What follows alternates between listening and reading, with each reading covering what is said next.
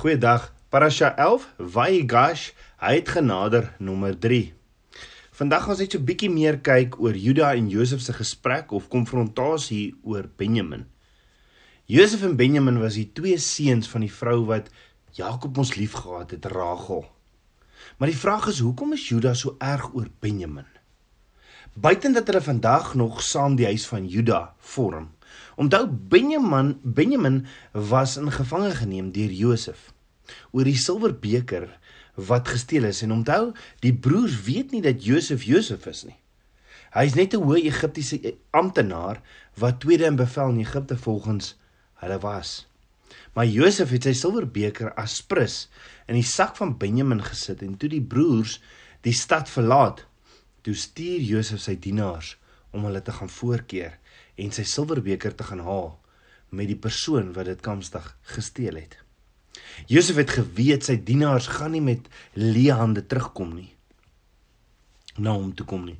Maar ek dink nie Josef het gedink al die boeties gaan saam met Benjamin terugkom nie. Ek dink hy het net vir Benjamin verwag. Juda sê toe: "Ondersoek ons besittings." Toe hierdie dienaars van van ehm um, Josef daar aankom, toe sê Juda: "Ondersoek ons besittings. Ons het niks om weg te steek nie. En as jy iets vind, sal die persoon wat die silwerbeker geneem het sterf." Jy sien Juda was redelik verseker hulle het nie die silwerbeker nie. Maar toe vind Josef se wagte of se dienaars die silwerbeker in Benjamin se sak. Oeps, en nou? Wat nou, Juda? So Josef sê toe: "Nee, moenie bekommerd wees nie. Ek gaan nie die dief doodmaak nie. Ek sal hom net as my slaaf neem. Maar die res van julle kan maar teruggaan na julle vader se huis toe." So nou sit Juda met 'n massive, massiewe probleem, want Juda het ons sy vader Jakob beloof dat hy Benjamin met sy lewe sal beskerm en hy het nooit ooit gedink dat Benjamin sy jongste boetie die silwerbeker sou steel nie. En hy weet nie eers dat hy eintlik om die bos gelei is nie. So wat nou? Wat is Juda veronderstel om nou te doen? Die meeste mense sou dalk maar net daar omgedraai het en teruggegaan het na Jakob toe en hom gesê het: "Jesus pa, Benjamin het die silwerbeker gesteel, kan pa glo. Daar's niks wat ek kon gedoen het nie en Benjamin Benjamin is gevange geneem. Ons moet egter daarom net daarom bly wees Benjamin leef nog. Hy's nie dood nie, hy's in gevangenis. Maar dit is nie wat Juda doen nie. Juda het 'n laaste poging aangewend om Benjamin op 'n op 'n op op dalk op die enigste moontlike manier te red. En dit sluit 'n hartstogtelike toespraak in wat hy met Josef het. In hierdie toespraak vertel hy die hele verhaal, die pynlike verhaal en die belofte wat hy aan sy pa gemaak het. Hy sê op 'n stadium vir Tsafnat Paniag wat Josef is in in Hebreëus, jy verstaan nie, ons pa het 'n kind al reeds verloor, 'n kind van sy geliefde vrou Rachel. En jy as as jy hierdie laaste kind van hom Benjamin van hom af weggeneem as jy hom wegneem die laaste seun van sy geliefde vrou Rachel wat dood is sal ons vader sterf want sê hy die siel van my vader is verbind met Benjamin se siel Hoor gou-gou, die presiese Hebreëse woorde nafshahu keshura benafshahu. En daarom sê Juda, neem my eerder asseblief. Asseblief, ek sal die slaaf wees. Neem my eerder. Ek sal die slaaf wees in Benjamin se plek. En ek dink Juda het vir sy lewe gesmeek. Jy sien die verlede het vir Juda aangehaal. Want daar was 'n tyd toe Juda Rachel se ander kind Josef verkoop het as 'n slaaf omdat sy vader Rachel mos meer liefgehad het en omdat sy pa hierdie seun Josef meer liefgehad het en voorgetrek het as al sy ander ander kinders. Nou sê Juda sonder om te skroom vir die tweede in bevel van Egipte. Hy weet nie hy praat met Josef nie. Hy sê hy weet dat sy pa Rachel meer liefgehad het, dat hy haar meer liefgehad het as sy eie ma. Hy weet dat sy pa meer van Rachel se seuns ook gehou en liefgehad het as van enige ander kind wat sy pa gehad het by sy ander drie vrouens. En dat sy pa se siel aan Benjamin se verbind is.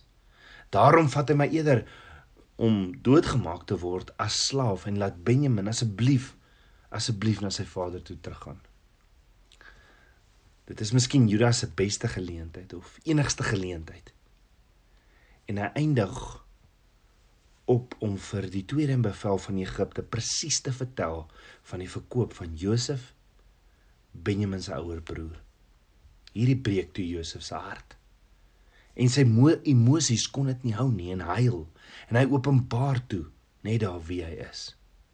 Josef het die opregte en eerlike wyse gesien hoe Juda repent terugdraai te Shuwa en dat Juda bereid was om sy eie lewe te gee vir die verlossing van sy broer Benjamin se lewe en dat Juda verkeerd was in wat hy teenoor Josef gedoen het. Hy het berou daaroor en hy bely dit. Maar hoor gou, daar is nog 'n plek in Abba Vader se woord waar jy hierdie woorde na afshu keshura benaafshu ook hoor. Dink daaroor. Waar word daar ook gepraat van 'n siel van een wat verbind is of vasgeteef was aan 'n ander siel? Hierdie presiese woorde in Hebreëus naafshu kesharu benaafshu kom ook voor in die boek Samuel hoofstuk 18. Ja, hierdie presiese Hebreëse woorde kom ook voor net na die verhaal van Dawid en Goliat. Onthou in die verhaal van Goliat het Goliat die eerste koning van Israel Saul gedreig. Niemand het gedink hulle kan teen Goliat opstaan en veg nie en so, hulle staan toe so vir 40 dae sonder dat iemand durf opstaan om teen Goliat te veg. Maar toe kom 'n jong Joodse skaapwagtertjie seun daar aangestap om vir sy broers kos te bring.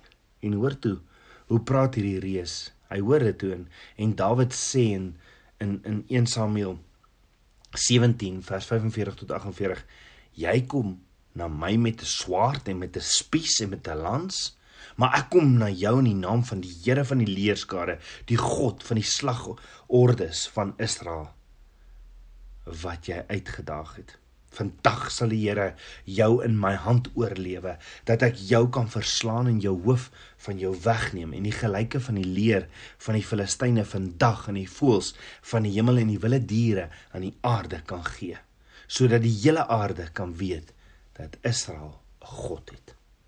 Dan sal hierdie hele menigte moet erken dat die Here nie deur swaard en deur spies verlos nie, want die stryd behoort aan die Here en hy sal julle in ons hand gee.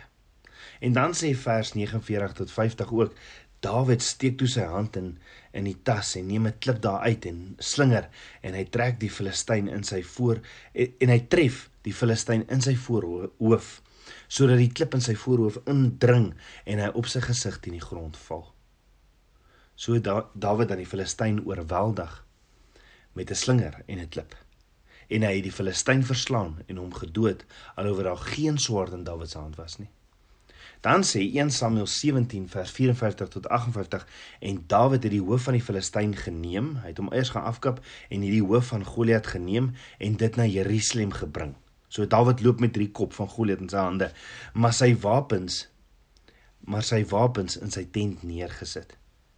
Net toe Saul Dawid dan sien uittrek om die Filistyn te ontmoet, sê hy vir Abner, die leeroowerste: "Wie se seun is die jong man tog, Abner?"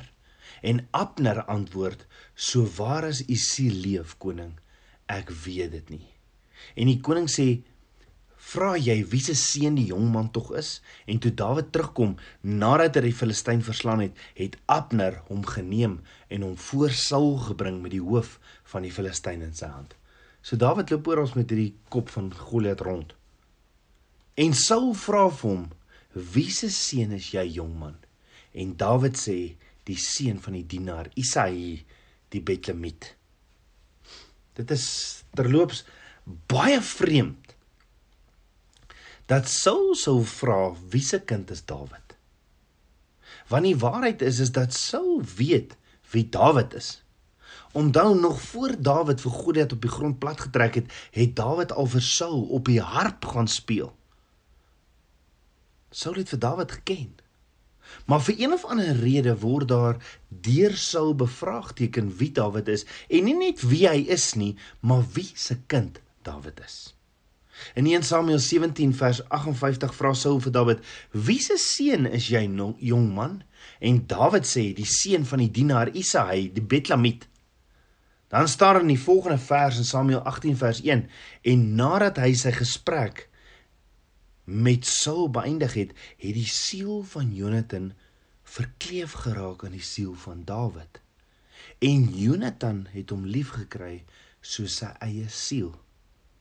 So hier kry ons amper dieselfde die, die Hebreëse woorde nafshu keshuruba nafshu. Die siel van Jonathan het verkleef geraak aan die siel van Dawid. Dis soos 'n vervlegtheid van siele. En dan sê die woord verder en Jonathan het hom liefgekry soos sy eie siel. Met ander woorde, hier het ons presies dieselfde woorde of egos van die Josef se verhaal.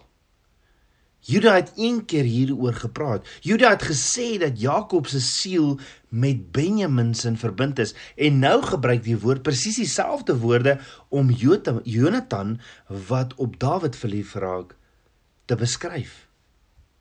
Hierdie siel wat verbind raak. Waarom haal die woord die presiese woorde aan uit Josef se verhaal? Is daar dalk 'n dieper prentjie wat die woord vir ons skilder? Dan staan daar ook in 1 Samuel 18 vers 2 tot 4 en Saul het hom die dag geneem en hom nie na sy familie laat teruggaan nie. So Dawid mag nie teruggegaan het na sy familie nie. Toe sluit Jonathan met Dawid 'n verbond omdat hy hom liefgehad het soos sy eie siel. Daarom trek Jonathan sy mantel uit wat hy aangetree het en gee dit aan Dawid ook, sy klere, ja selfs sy swaard en sy boog en sy gordel. So wat presies is besig om hier te gebeur? Wat wat aan die gang is is dat ons 'n ripple effek het van die Josef verhaal. Omdat hierdie mans die afstammeling is van die twee hoofakteurs in die Josef verhaal. Want wie is Saul en wie is Jonathan sy seun? Saul is koning uit die stam van Benjamin. O en wie is Dawid? Dawid kom uit die stam van Juda. So hier kry ons weer Juda en Benjamin nog een keer. Juda oorskry die wederywering tussen broers. In die verhaal van Josef en sy broers het Juda sy eie lewe vir Benjamin gewag. Juda het van aangesig tot aangesig gekom met die erkenning dat sy pa Jakob Benjamin meer liefhet en dat sy pa eerder Benjamin by hom wil hê as homself Juda. En dit was oukei okay vir Juda. Juda sê vir Josef: "Neem my eerder as slaaf En dit is oukei. Okay. Sy pa Jakob kan Benjamin meer lief hê as vir hom. Jy sien wat ons baie keer uit die prentjie verloor is, wat dink jy het Benjamin gedoen toe hy sien die silwerbeker is in sy sak? Of kan jy dink hoe Benjamin dalk na Juda gekyk toe Juda sê, "Maar vat my eerder, want my pa is liewer vir hom as vir my." Het dit Benjamin dalk ooit laat voel, maar Hy moet sy broer Juda vergoed vir hierdie onvoorwaardelike liefde wat hy teenoor hom getoon het. Ook kan ek vra, wanneer het Benjamin Juda ooit vergoed dat hy hom gered het uit slawerny uit as hy ooit het? Jonathan betaal die skuld terug. Want hoe lyk dit van 'n vanuit Jonathan se perspektief as Dawid triomfantelik terugkom? As jy Jonathan was, dink daaroor. Wie is volgende in lyn om koning te word na koning Saul? Hy is. Vir wie hou sy vader koningskap? En is hy lief? Was dit vir Jonathan? Hoor gou hoe behandel Saul vir Dawid in 1 Samuel 18 vers 5 daar staan oral waar Saul kom waar Saul waar Saul Dawid gestuur het, was hy voorspoedig sodat Saul hom oor die krygsmanne aangestel het en dit was goed in die oë van die hele volk en ook in die oë van die dienaars van Saul. Saul het Dawid amper as sy eie seun aangeneem want Saul wil nie hê Dawid moet teruggaan na sy familie toe nie. Hy het Dawid nie toegelaat om terug te keer na die huis van sy vader nie. Hy het amper eienaarskap gevat oor Dawid. Jy is myne sou dit geweet dat Dawid eendag koning sal word in sy plek. En wat sou dit vir Jonathan beteken? Was dit vir Jonathan die grootste bedreiging wat hy ooit gehad het? Nee, dit is nie.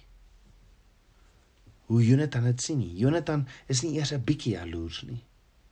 Die held af die heldhaftigheid van Jonathan uit die geslag van Benjamin weerspieël die heldhaftigheid van die oorspronklike Juda. Juda het dit een keer vir Benjamin gedoen en nou sal 'n nageslag uit die geslag van Benjamin dit doen vir iemand van die nageslag van Juda. Dit is nie vir Jonathan bedreigend dat sy pa meer van Dawid hou as sy opvolger as hy self sy eie kind nie. Sy pa kan Dawid koning maak want Jonathan is in elk geval vir Dawid so lief soos vir homself sy eie siel.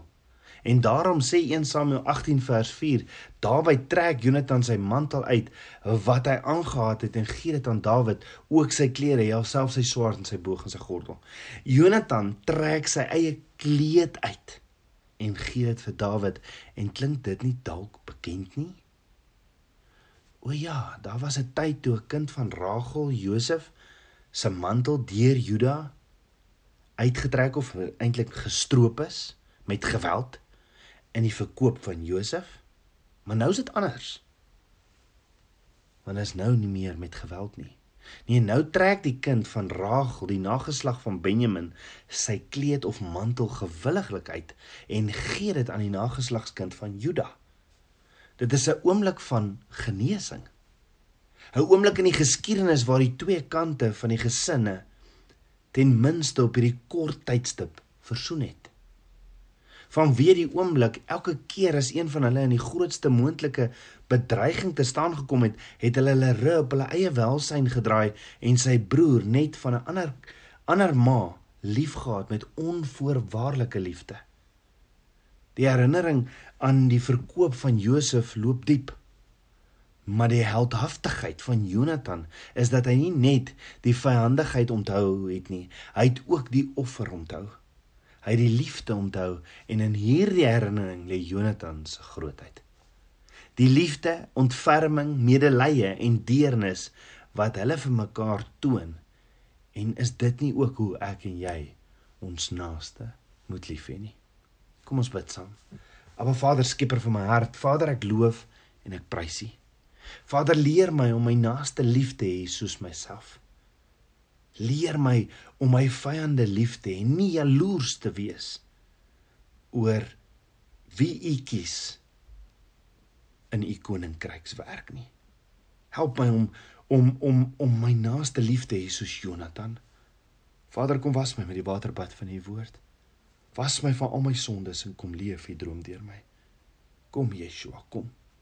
Ek bid dit alles in Yeshua Messie se naam die seun van Jahweh. Shalom.